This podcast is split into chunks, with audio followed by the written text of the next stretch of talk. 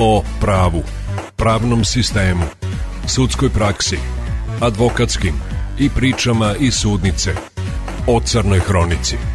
Emisija Proces. Dobar dan poštovani slušaoci, dobrodošli u Proces, ja sam Milica Ćirić. Nalazim se kod mog današnjeg sagovornika, advokata Milana Alanovića. Dobar dan i dobrodošli Dobar dan, u Milice. Proces. Pozdravljam vaše slušalce. Šta je femicid i kada je femicid kvalifikovan kao krivično delo? Mislim da je termin femicid skoriji unazad nekoliko decenija, a upravo je došao kao proizvod toga što je zakonodavac i oni koji kreiraju zakone prepoznali zapravo sve opasnosti kojima su žene izložene i posebna zakonska zaštita femicida je nešto što samo ukazuje da je taj problem uopšte u ljudskom društvu ozbiljan i nešto na što nijedno danas savremeno društvo nije imuno i kada pogledate statistike vidjet ćete da velika količina femicida postoji kako u modernim zemljama kao što su Nemačka, Austrija, tako da i u onim manje, da kažem, savremenim društvima Koliko ste se vi u svojoj praksi susretali sa femicidom? Kako se nakon izvršenog zločina, pošto često dođe do ubistva iz te prema ženama, kako se osumnjičeni nakon toga ponaša? Da li izrazi kajanje? Kakve su kazne? problem moramo posmatrati uvek u svakom pojedinačnom slučaju odvojeno. Lično mislim da je femicid zapravo samo krajnja faza onoga što se zapravo dešavalo u dužem vremenskom periodu. Jako redko ćete videti u praksi da je femicid došao kao plod jedne rasprave, jedne svađe, jednog nerazumevanja među sadašnjim ili bivšim partnerima. Pre će to biti da je to samo krajnji ishod nečega što traje jako puno vremena i što je, kako bih sada da vam pojasnim, zapravo proizvod loših odnosa koji mogu trajati i godinama u jednoj porodici. Koje meri mediji odmažu kada izveštavaju na neki način kao da pravdaju tog zločinca? U vreme kada su dosta rasprostranjene komunikacije putim društvenih mreža, mislim da mi zapravo na društvenim mrežama možemo da vidimo mentalni sklop jednog šireg dela stanovništva koje ne opravdava sam čin ubistva, ali u bitnoj meri očigledno opravdava problem koji je imao počinilac da na neki način pokušavaju da ga razumeju, pa čak u nekim momentima i opravdavaju. Problem je sveobuhvatan i sistemski se mora na tome raditi i bojim se da i pored svih mera onaj najgori ishod često ne možete sprečiti. Jer pazite, ako vama zakonodavac da meru zabrane prilaska osobi za koju se smatra da ste prema njoj počinili bilo kakvo verbalno ili fizičko nasilje i pri tome svaka komunikacija i telefonski poziv biva sankcionisan trenutnom kaznom zatvora od 30 do 60 dana, to bi za 99,9% počinilaca bilo dovoljna mera upozorenja da ni ne pomisle da priđu toj osobi, jer bi time rizikovali zatvor u trajanju do dva meseca. Međutim, imate taj 0,1% da vi u konkretnom slučaju ne možete znati šta se u toj glavi desilo i šta ga je podstaklo da uradi ono najgore. Konkretan taj slučaj koji ste naveli, za koji sam čitao u novinama, vidimo da je taj čovjek ubio i sebe i da je on, da kažem, svoj privremeni problem rešio na trajan način. A da li je on i ranije pokazivao neke patološke osobine u tom smislu i da li je pokazivao neke psihičke smetnje, to je već pitanje za druge, ali očigledno da takva posledica ne može da se proizvede preko noći i verovatno je to nešto što je sklonost ka tome već postojalo u nekom dužem vremenskom periodu. Šta uraditi kada, jer imate i taj posto ljudi koji, ok, rizikovat će zatvor, otići će u zatvor jer je prebio devojku, ženu, nebitno, ali on će u zatvoru razmišljati o osveti kad izađe za ta dva meseca. Jer on u njegovoj glavi krivi nju što ga je prijavili, ne sebe što je to uradio. On se ne osjeća krivim. Moja praksa govori drugačije. Zatvorska sankcija u bitnom delu čak i na, da kažem, nepopravljive počinioce utiče da se bar na neko vreme uzdrže od izvršenja krivičnih dela. Posebno ovakvih. I ono što je karakteristično za počinioce nasilja, sve i jedan pokušava da relativizuje svoje činjenje. I on u svojoj glavi često razmišlja da u tako jednom minornom događaju, ako je dobio zatvorsku kaznu od 60 dana, šta onda tek može da očekuje ako bi uradio nešto ozbiljnije. I da, nažalost, u Srbiji nastrada godišnje preko 30 žena. To je postala neka statistika. To su nečije majke, sestre, sa svim svojim vrlinama i manama koje svaki čovek ima. Da li postoji opravdanje za tako nešto? Možda nekad negde neki događaj možete razumeti, ali mislim da svi mi kao društvo ne smemo to da opravdamo. Da li mizogenija ide iz kuće? Da li to ima veze sa vaspitanjem? kada se od bebe drugačije gledaju devojčice i tretiraju drugačije dečaci? Vrlo sveobuhvatno pitanje i mislim da i odgovor ne može biti tako jednostavan. Da li ide iz kuće? Može ići. Da li može ići iz okoline? Može ići iz okoline. Da li može ići iz neke ideologije? Dakle, problem je očigledno sveobuhvatan očigledno da svi moramo poraditi na tome da ukažemo ljudima da nasilje nije opcija.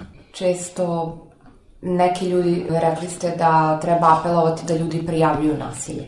Ali jako često porodica, prijatelji, komšije prijave nasilje, policija dođe i ta žrtva kaže ne, ne, ne, da li straha, da li iz ljubavi neke, dođe i kaže ne, ne, ne, nije on meni ništa uradio, vidi se da je pretučena, vidi se sve, ali jednostavno policiji su u tom slučaju, pretpostavljam, ruke vezane. Da, delimično ste u pravu. Mislim da žrtva ne osjeća dovoljnu podršku da može da prijavi nasilje. Bez nasilnika se usmerava ka osobi koja je prijavila, ne samo više ka žrtvi, čak možda i manje trenutno ka njoj, više ka toj osobi koja se sudila da progovori. Automatski žrtva gubi osobu koja je bila bliska poverenja jer je zabranjeno da ima kontakt više s tom osobom. Da, očigledno da zakonska rešenja moraju biti ispravljena u tom pravcu i lično mislim da nasilnici prema slabijima su u suštini ljudi koji imaju strah, koji imaju ozbiljne psihičke probleme, da taj svoj strah kanališu i da mu se suprostave na pravi način, nego se linijom manjeg otpora pretvaraju u nasilnike prema svojim najbližima koji su obično i slabiji.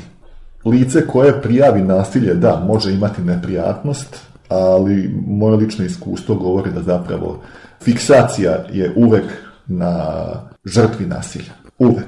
I ne prestaje. Ona je kriva što se žalila, dete je krivo što nije dobro dete. Šta kaže sudska praksa? Kakve su kazne za te ljude koji su počinili femicid? Ubistvo bračnog partnera se smatra teškim ubistvom, kazne su do doživotne. 10 godina najmanje, a mogu biti i doživotne kazne. Nasilje u porodici je posebna vrsta krivičnog dela koja štiti člana porodice od ugrožavanja fizičkog i duševnog integriteta na svaki mogući način, fizički ili verbalni. Način izvršenja može biti, dakle, samo grdnjom, a može biti i primjenom fizičke sile, da kažem da partnera pretuče ili udari jednom. Jedan šamar je dovoljan da nasilje egzistira, čak i ono psihičko zlostavljanje, glupačo, ovco, kravo, na dnevnom nivou predstavlja nasilje. Društvo nije dovoljno osvešćeno i mnogi ne prepoznaju to kada ti neko kaže kravo, debela, da je to nasilje. Da, Krajnje vreme je da društvo se pozabavi time. Ako stalno budemo govorili da društvo nije spremno za to, onda nikad neće ni biti spremno. U tim reality showima se propagira nasilje, to je gledano, to je i mnogi imaju podršku nijedan problem nije isti, očigledno. Ali ako pričamo već o onome uopštenom šta kao društvo možemo da uradimo, pa onda bismo već ušli u sferu politike, ali je suština vrlo jednostavna. Država mora da obezbedi ambijent za maksimalno poštovanje čoveka, osobe i mora da obezbedi ambijent za poštovanje zakonitosti.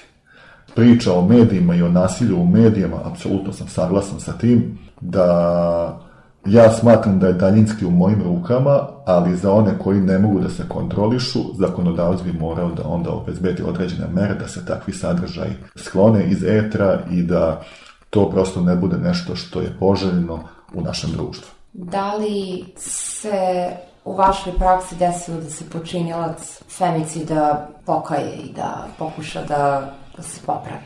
Svako ljudsko razmišljanje ima više faza. Jedna od tih faza može biti i pokajanje. Da li postoji pokajanje, to je individualno od čoveka do čoveka. Neki ljudi se iskreno pokaju zbog onoga što su uradili, a neki drugi se pokaju zato što su loše prošli, loše posledice koja ih je stigla. Da li je femicid na neki način doživeo ekspanziju, da li on sada u trendu, jer u poslednjih nekoliko godina malo malo pa čujemo u svakom gradu ubijena je neka žena od strane partnera samo zato što je žena. Da li se samo malo više priča o tome ili je to zaista postao trend? Siguran sam da se o tome više piše i priča i razgovara i to je dobro. Ali surovost samih dela koja se dešavaju može ukazivati na porast tog talasa nasilja koji negde postaje ustaljen model ponašanja i razmišljanja. Menjaju se društveni odnosi u svakom društvu pa i u našem. Nerazumevanje međusobnih odnosa dovodi do konflikta. Konflikti u nekom društvu mogu dovesti i do ovakvih stvari. Najružnijih sa naj, najnesrećnijim mogućim ishodima.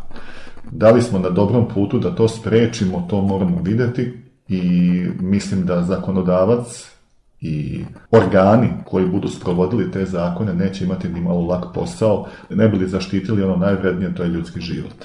Prošle godine, kada se desilo jezivo masovno ubistvo u školi Vladislav Ribnikar, ubijeno je osam devojčica. Jedan dečak i, naravno, čuvar obezbeđenja. Osam devojčica. Znači, te devojčice su ubijene zato što su devojčice, zato što su u nečemu bile bolje od ubice. Jedna od njih je čak koja nije bila na spisku stala ispred njega i pitala ga pa šta to radiš, prestani. I on je pucao u nju. Znači, on je po zakonu dete je, nije krivično odgovoran. Nije imao 14 godina kad se to desilo. Kada pričamo o tom 3. maju, ja sam taj dan umro i deo mene je nepovrat otišao tog dana.